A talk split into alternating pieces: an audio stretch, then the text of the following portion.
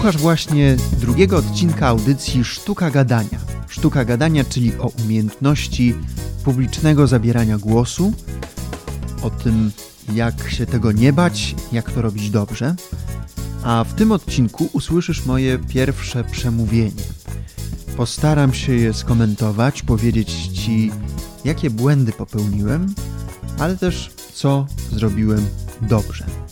Ja nazywam się Krzysztof Jakubowski i prowadzę stronę sztukagadania.pl, na której znajdziesz wiele różnych artykułów na temat rozmawiania z ludźmi. A teraz zapraszam Cię do wysłuchania drugiego odcinka audycji Sztuka Gadania.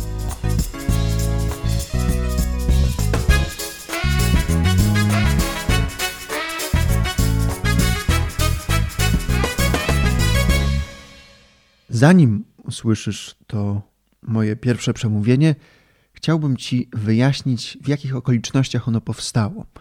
Ja należę do takiego klubu mówców. Te kluby są rozsiane po całym świecie. To się nazywa klub Toastmasters. I jest taki zwyczaj, że każdy mówca musi wygłosić tak zwanego icebreakera. Icebreaker to, jak sama nazwa wskazuje, przełamanie lodów. Chodzi o to, żeby po prostu odważyć się i wyjść na scenę i powiedzieć coś o sobie, tak żeby pozostali członkowie tego klubu dowiedzieli się, kim w ogóle jesteś, co robisz. Możesz to zrobić dowolnie. Przemówienie trwa 5-6 minut i to doświadczenie jest niesamowite, bo to jest taki pierwszy kontakt ze sceną i niezwykłe przełamanie własnych słabości. To, co się okazało w moim przypadku, to to, że ja no, myślałem, że moje doświadczenia z poprzedniego, z poprzedniego zawodu jakoś mnie już do tego przygotowały i nie będę odczuwał stresu, jakby nie będzie to dla mnie problemem. Ale okazuje się, że jak widzi się te, te oczy wpatrzone w ciebie, tę żywą widownię, no to jest stres. Naprawdę jest stres stres mnie złapał od początku i trzymał do samego końca. To przemówienie, które za chwilę usłyszysz, ja nagrałem specjalnie na potrzeby tej audycji, po to, żeby jakość była lepsza. Niestety w tym odcinku tylko usłyszysz dźwięk, jeszcze obrazu nie nagrałem, ale pracuję nad tym, żebyś także mógł widzieć moje przemówienie, żebyś mógł jeszcze więcej wychwycić błędów, chociażby w mowie ciała, chociażby w gestach czy mimice. Pracuję nad tym, obiecuję, że, że w którymś z kolejnych odcinków tak będzie. Natomiast w tym odcinku poznasz również mnie. Ja się tam dzielę różnymi moimi doświadczeniami z poprzedniego zawodu i po tym przemówieniu postaram się skomentować to, co powiedziałem. Jakie popełniłem błędy merytoryczne, językowe, ale też dobre strony tego przemówienia. I mam nadzieję, że to ci się przyda w Twoim życiu. Nie tylko zawodowym, ale też prywatnym, bez względu na to, czy robisz prezentacje w szkole, w pracy, na studiach, czy zabierasz głos na zebraniach, czy robisz jakieś przemówienia, czy po prostu chcesz lepiej mówić. Mam nadzieję, że to, co usłyszysz, pomoże ci nie popełniać błędów, jakie ja popełniłem. I zapraszam Cię teraz do wysłuchania mojego przemówienia, którego tytuł brzmi Odwaga czy głupota.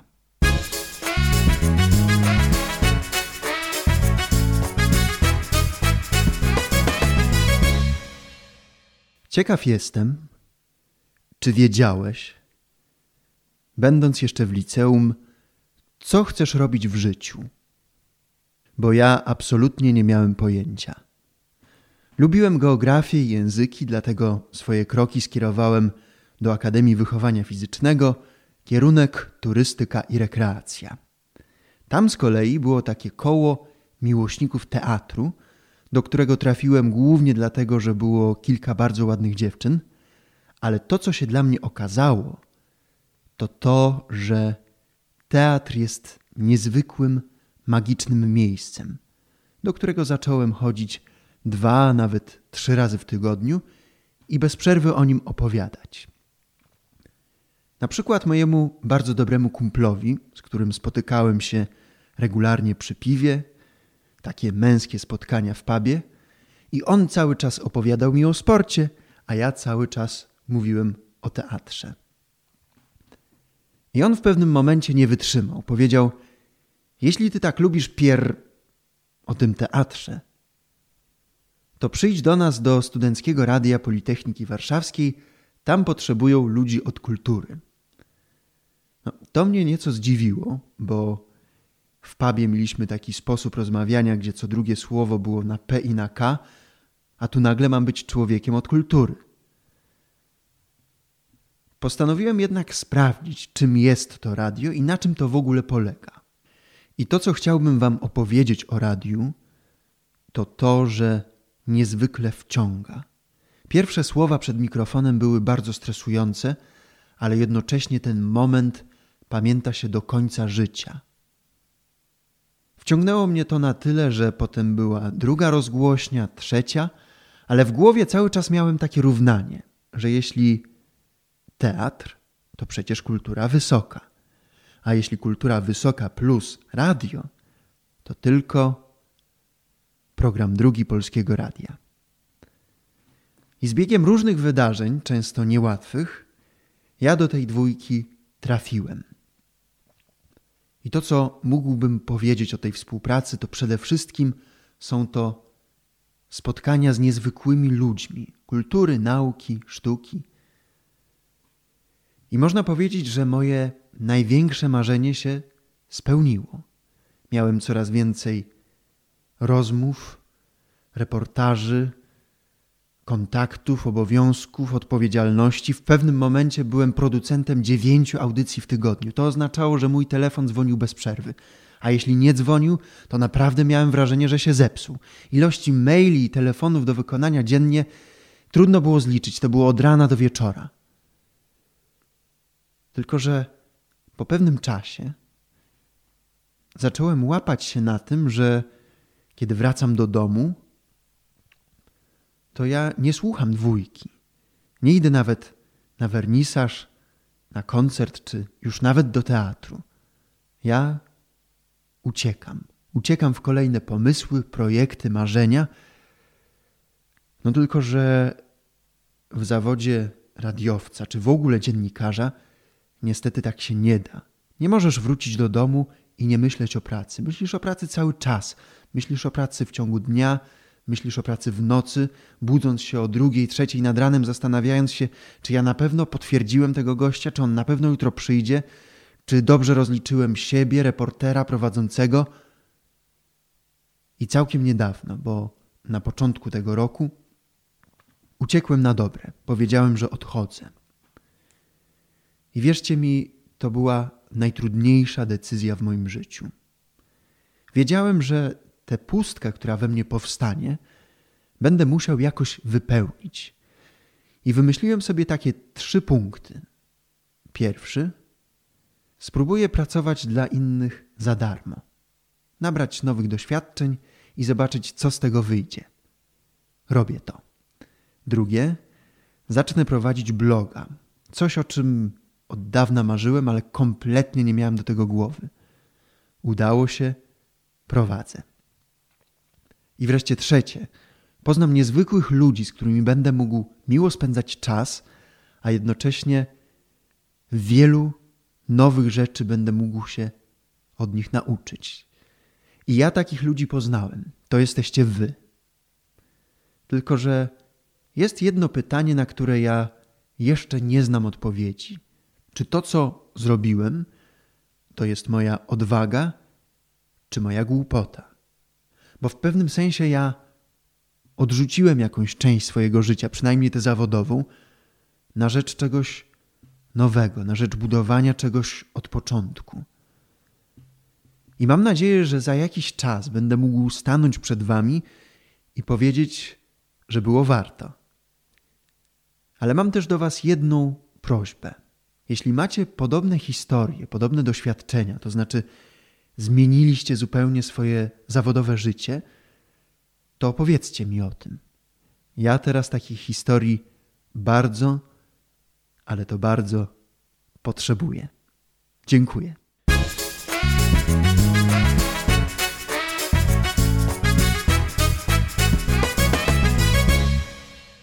Uff, no i jesteśmy po moim przemówieniu.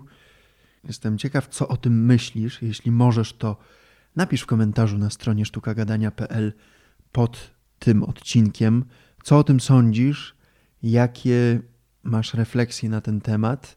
Nie tylko jeśli chodzi o względy techniczne, ale też o cały ten temat, który, który podjąłem. Zacznę może od początku. Jak zauważyłeś, ja zacząłem pytaniem. Zadałem pytanie publiczności, czy pamiętają, kiedy byli w liceum, czy wiedzieli, co chcą w życiu robić. I zaczęcie przemówienia od pytania jest dobrym zabiegiem, dlatego że aktywizuje widownię. Ten problem, który poruszasz w swoim przemówieniu, nagle staje się dla nich też ważny i zaczynają sięgać do swoich doświadczeń i bardziej się angażują w to, co mówisz. Ja zadałem pytanie i tak naprawdę nie oczekiwałem odpowiedzi. Nie liczyłem na to, że ktoś mi odpowie, i tak się stało. Nikt mi nie odpowiedział na głos. Ale wiem, że oni na pewno w głowie zaczęli się nad tym zastanawiać. I tutaj popełniłem pierwszy błąd. Ten błąd polega na tym, że zrobiłem za krótką pauzę. To znaczy, powinienem po zadaniu pytania zrobić dłuższą pauzę, żeby widownia miała szansę się nad tym zastanowić. A ja popędziłem dalej i to nie jest dobre, bo po pierwsze, nie daje się widowni możliwości zastanowienia głębszego nad tym problemem, a po drugie, być może to, co po tej zbyt krótkiej pauzie powiedziałem, do nich nie dotarło, bo jeszcze byli myślami w tych swoich doświadczeniach. Drugi błąd, jaki popełniłem, to znowu związany z pauzą. Podczas mojego przemówienia, co mnie kompletnie zaskoczyło, w kilku momentach widownia się śmiała. Y, śmiała się na przykład w momencie, kiedy y, mówiłem o tym, że trafiłem przez ładne dziewczyny do tego koła teatralnego. Y, śmieszył ich też ten kontrast między, kiedy powiedziałem, że zdziwiło mnie, że mam być człowiekiem od kultury, kiedy my żeśmy rzucali te słowa na K i na P, a nagle mam być człowiekiem od kultury. To, ten kontrast ich śmieszył. I w tych momentach, kiedy oni się śmiali, ja powinienem dać pauzę. A ja tej pauzy nie dałem. To jest sporym błędem. Dlaczego? Z trzech powodów.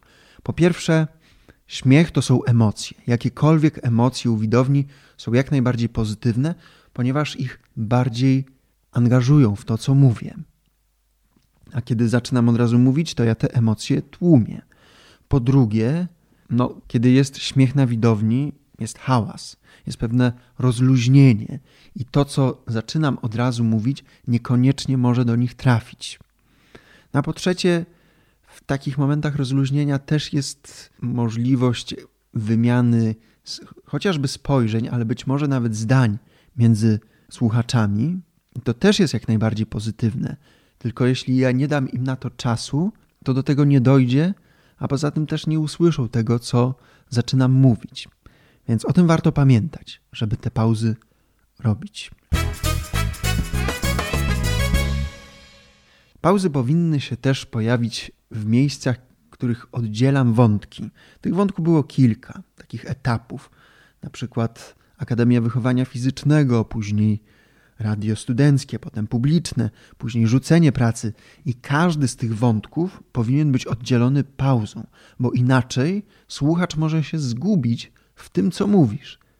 To znaczy, on może nie, nie wychwycić tego momentu zmiany wątku i wtedy nie będzie w ogóle wiedział o co chodzi. Ale jak ty się znalazłeś, jak to się w ogóle stało? A jeśli oddzielisz pauzą, to to będzie wyraźny znak, że przechodzisz do kolejnego wątku. To jest wszystko związane z komfortem dla słuchacza. Im bardziej to będzie przejrzyste, im bardziej to będzie wyraziste, tym więcej Twój słuchacz zapamięta i zrozumie z Twojego przemówienia.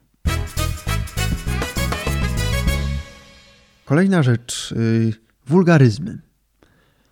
Po tym przemówieniu ja miałem dwie różne sprzeczne opinie na temat tego wulgaryzmu, którego tak naprawdę nie użyłem.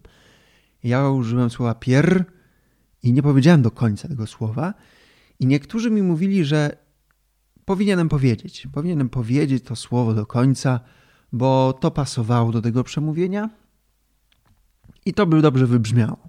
Z kolei inni mówili mi, że dobrze zrobiłem, bo to mogłoby kogoś zgorszyć, tam są też starsze panie, lepiej tego nie robić. Ja się zacząłem nad tym zastanawiać, bo niektórzy uważają, że to jest ok, a niektórzy, że nie. Ja uważam po tym przemówieniu, że to jest sprawa bardzo indywidualna i to ty powinieneś zdecydować, czy chcesz te wulgaryzmy mówić, czy nie. A jak, jak o tym zdecydować? Po pierwsze, to musi pasować do przemówienia. Jeśli mówisz o, nie wiem, na przykład środowisku żuli na przykład, to to słownictwo pasuje i jeszcze bardziej obrazuje, bo mówisz językiem swoich bohaterów. A druga rzecz musi pasować do ciebie. Ja już wiem, że do mnie wulgaryzmy nie pasują. Ja lubię sobie rzucić mięsem, zwłaszcza w nieoficjalnych jakichś sytuacjach, ale kilka osób w przeciągu ostatnich lat powiedziało mi, że ojej, w ogóle ja się nie mogę przyzwyczaić, że ty, że ty przeklinasz. W ogóle to do ciebie nie pasuje. Ja wiem, że, że tak rzeczywiście jest, że to do mnie w ogóle nie pasuje. Dlatego postanowiłem, że w swoich kolejnych przemówieniach nie będę używał wulgaryzmów i tak samo w tej audycji również tego nie będę robił. Tutaj taka drobna uwaga a propos słownictwa. Jeżeli mówisz o swoim zawodzie, to jest pokusa, żeby używać słownictwa branżowego, bo dla ciebie to jest chleb powszedni. Ale miej na uwadze, że mogą być osoby na widowni, które takiego słownictwa nie rozumieją. Ja na przykład y, celowo zamieniłem słowo wydawca na słowo producent, chociaż to nie jest do końca precyzyjne. Zawód, który ja wykonywałem, to był zawód wydawcy. Jest pewna drobna różnica, która dla osoby z branży będzie rażąca, ale ja nie chciałem używać słowa wydawca, bo wtedy bym musiał wyjaśnić, na czym polega funkcja wydawcy. A to zabrałoby mi cenne sekundy i być może bym nie, nie, zdą, nie wyrobił się w czasie. Ja w tym swoim przemówieniu miałem kilka wątpliwości. Pierwsza jest taka, że gdzieś kiedyś słyszałem, że na scenie powinniśmy być liderami. Powinniśmy być absolutnie pewni tego, co mówimy. I to można zrozumieć trochę na opak. Ja dlatego się tego bałem, tego swojego pierwszego przemówienia, no bo zauważ, że ja miałem mnóstwo wątpliwości. Ja nie wiedziałem, czy ja robię dobrze, ja nie wiedziałem, co będzie dalej. Ja zadawałem nawet pytanie y, publiczności, żeby się podzielili swoimi doświadczeniami, bo ja nie wiem, gdzie mnie to zaprowadzi. I miałem taką wątpliwość, czy ja jako lider na scenie nie powinienem już czegoś sprawdzić, przeżyć, przerobić i przyjść z gotowym rozwiązaniem, stanąć na scenie i powiedzieć: To działa, to nie działa, to róbcie, to nie, tego nie róbcie. A ja w tym przemówieniu nie wiem.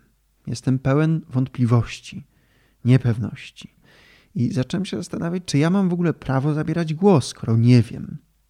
Ale to, co później mi mówili moi słuchacze, że to właśnie było ciekawe, ta rozterka, bo to też pozwoliło im sięgnąć do swoich doświadczeń.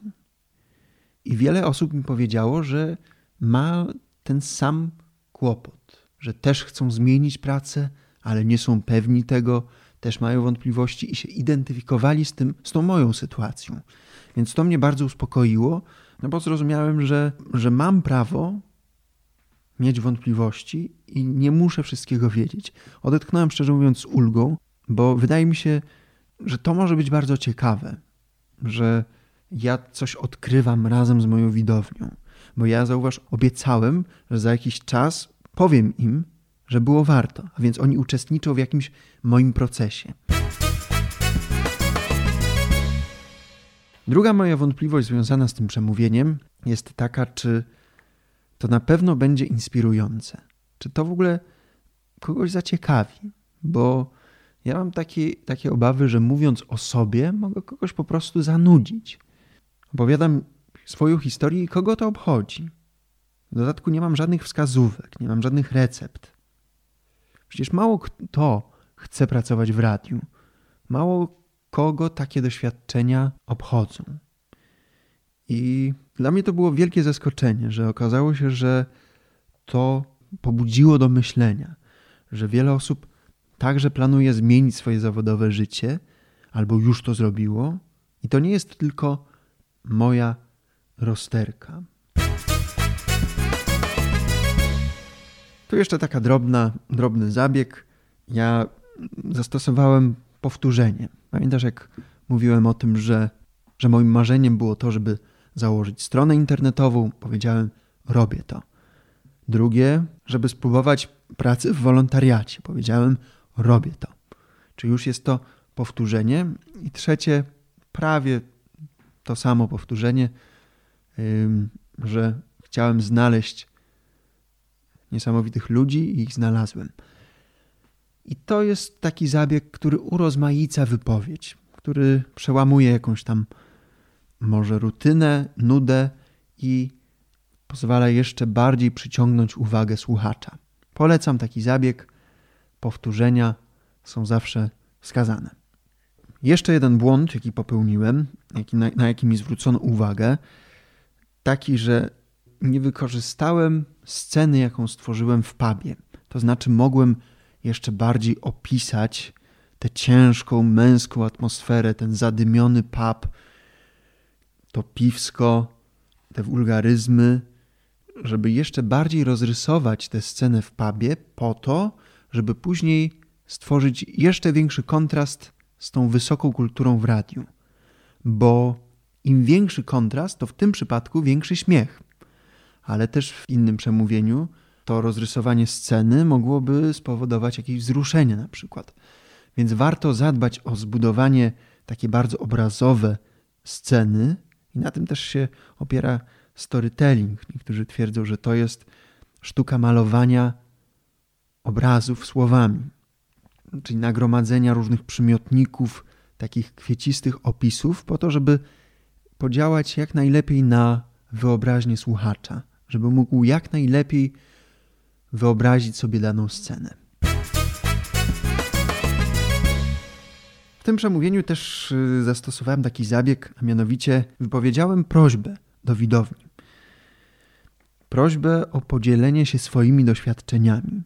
Dałem tym samym do zrozumienia, że głos słuchacza, jego doświadczenia są dla mnie ważne. I rzeczywiście powiem Ci szczerze, że ludzie do mnie podchodzili po tym przemówieniu i dzielili się swoimi doświadczeniami. To było dla mnie niesamowite, bo oni odpowiedzieli na tę moją prośbę i zaczęli mi opowiadać o swoich doświadczeniach. Ale abstrahując od tego, że się dzielili, to jest taki dobry zabieg, który polega na tym, że Twój słuchacz czuje się ważny, jego głos staje się ważny i może on uczestniczyć w tym temacie, który poruszasz. Bardzo Ci polecam taki, taki zabieg. Tutaj na przykładzie tego przemówienia jeszcze Ci polecam zaczynać powoli. To znaczy, początek jest bardzo ważny, żeby mówić go wolno. Dlatego, że zanim odbiorca, zanim Twój słuchacz przyzwyczai się do Twojego wyglądu, przyzwyczai się do Twojego głosu, do Twojego sposobu mówienia, przyzwyczai się do tematu, który poruszasz, w ogóle przestawi się na słuchanie z mówienia, co niektórym przychodzi dosyć opornie, to słuchacz może stracić te pierwsze słowa, które są często kluczowe, bo w nich może być zawarta jakaś taka wędka, która ma go złapać. W nich możesz tłumaczyć, o czym będziesz mówił. Więc warto te słowa wypowiadać wolno, żeby mieć pewność, że one trafią. Później możesz przyspieszyć, jak już widownia się przyzwyczai, jak już widownia będzie wiedziała, o czym mówisz. Ale początek zaczynaj wolno. Bo zauważ, że a propos tempa, zauważ, że ja, kiedy opisuję swoje obowiązki w radiu, kiedy mówię o tym, że myślisz o pracy w dzień, w nocy, cały czas, te setki telefonów, te setki obowiązków, ja tam przyspieszam po to, żeby pokazać te te męczące nagromadzenie, to tempo życia, ten młyn, w jaki ja wpadłem. I tym tempem możesz regulować podczas całego przemówienia. Te bardziej energetyczne, te bardziej takie nerwowe fragmenty możesz powiedzieć szybciej i tak widownia to usłyszy, i tak to wybrzmi. Mówi się, że o rzeczach mniej ważnych można mówić szybciej, a o rzeczach najważniejszych wolniej. Generalnie warto różnicować to tempo, bo to też przyciąga uwagę słuchacza. Jeśli mówisz w jednym tempie, to może to się stać nagle zbyt monotonne, więc miej to na uwadze. Ja tutaj w tym przemówieniu trochę nieświadomie, ale użyłem kilka wątków humorystycznych, ale zauważ, że one się pojawiały tylko na początku. Kiedy później mówiłem o sprawach takich bardziej poważnych, można powiedzieć egzystencjalnych, to już tam nie było miejsca na śmiech, tam, był, tam było miejsce na refleksję. I tak możesz budować swoje przemówienia. To znaczy zaczynać lżejszym początkiem, żeby troszkę to napięcie rozładowywać, ale później, jak już przechodzisz do meritum, do jakichś takich ważnych, kluczowych spraw, to tam polecam ci unikanie wplatania takich humorystycznych wątków. Tu mi się przypomniała taka mowa, niedawno taką słyszałem. Mówca mówił o rzeczach bardzo poważnych. Mówił o raku jąder. I to było dziwne, bo on przemawiając, podczas całego przemówienia wplatał różne żarty. I nie ma problemu, jakby można sobie żartować ze wszystkiego, tylko że słuchacz jakby już nie miał, już nie wiedział, czy on mówi poważnie, czy nie, czy ta treść, którą chce nam przekazać, to jest coś, co mamy sobie wziąć do serca, czy raczej robimy sobie z tego jaja, dosłownie i w przenośni. A teraz chciałbym skupić się jeszcze na błędach językowych, które popełniłem. A dokładnie mówiąc, na błędach językowych i związanych z wymową. Miej na uwadze, że to przemówienie było przygotowane. Ja przygotowywałem się do niego dosyć długo, więc siłą rzeczy eliminowałem takie błędy. Gdybym improwizował, mówił Awista, to tych błędów na pewno by było więcej, ale trochę ich się pojawiło. Na przykład, często używałem takiego słowa teatr. Mnie uczono w radiu, że zawodowiec, profesjonalista nigdy nie powie teatr. Zawsze to będzie teatr. Ja tego nie podzielam, ale jeśli chciałbyś być super poprawnym, to tam mięśnie krtani powinny popracować. To znaczy oddzielić E od A teatr. Tak samo słowo rekreacja. Powinno się mówić rekreacja, a nie rekreacja. Tutaj akurat te samogłoski no, nie powinny się zlewać, bo to może wpływać na wyrazistość tego przekazu. No, czepiam się bardzo, no ale chcąc być super poprawnym, o takich rzeczach trzeba pamiętać. Gorzej, jeśli zlewają nam się spółgłoski ja wypowiedziałem takie zdanie niezwykłym, magicznym miejscem. I te wszystkie M, zauważ, że każdy wyraz zaczyna się i kończy spółgłoską M, i tutaj powinniśmy wyraźnie zaznaczyć te podwójne M, niezwykłym, magicznym miejscem. Jest trochę przy tym pracy, ale jeśli chcemy być wyraziści, to powinno to być oddzielone. Gorzej, jeśli to zjadanie samogłosek zmienia nam sens zdania. Ja powiedziałem takie zdanie: Jeśli macie podobne doświadczenia, to powiedzcie mi o tym. To powiedzcie mi o tym, a chciałem, żeby było to opowiedzcie mi o tym. Słowo to się kończy na samogłoskę a i opowiedzcie też zaczyna się na o. No takie błędy jak nauczyć się, a nie nauczyć. No i problem, z którym miałem kiedyś naprawdę sporo pracy, to są zamiast są. No, wyrazistość. Tutaj niewyraźnie wyszło mi takie zdanie. Myślisz o pracy cały czas, myślisz o pracy w ciągu dnia, myślisz o pracy w nocy. Te myślisz, dosyć niewygodna zbitka. Mówiąc to szybko, wychodziło mi to bełkotliwie. I w takich miejscach jeszcze bardziej powinniśmy się koncentrować na tej pracy tutaj mięśni, języka, ust i tak dalej. No i na koniec y, większość z nas, ja również, mamy kłopoty z końcówkami. I na końcówki jest jedno fajne ćwiczenie, a mianowicie często w języku polskim używamy słowa jest. I w tym słowie to te nam często ucieka. I warto skupić się chociażby na tym jednym słowie jest, mówić je wyraźnie, bo to już uczy nas nasz umysł trochę, żeby przywiązywać wagę do końcówek. Więc jeśli możemy zmienić chociaż jedną rzecz, to zmieńmy jest, bo jest pojawia się w naszych zdaniach bardzo często.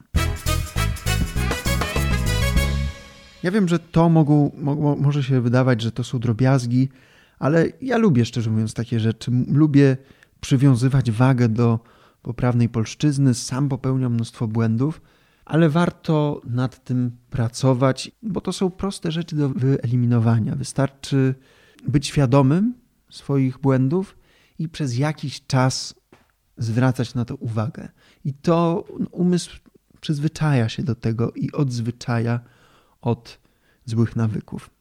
Mam, mam wielką nadzieję, że coś z tego odcinka Ci się przyda, że jakieś wskazówki wykorzystasz w swoich działaniach, w swoich wystąpieniach.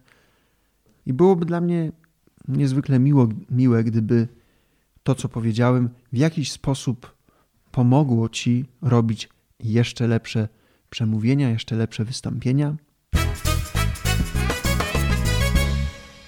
I cóż, za dwa tygodnie zapraszam Cię na pierwszą rozmowę z niezwykłym człowiekiem, z moim autorytetem, z gawędziarzem, mistrzem rozmawiania z ludźmi.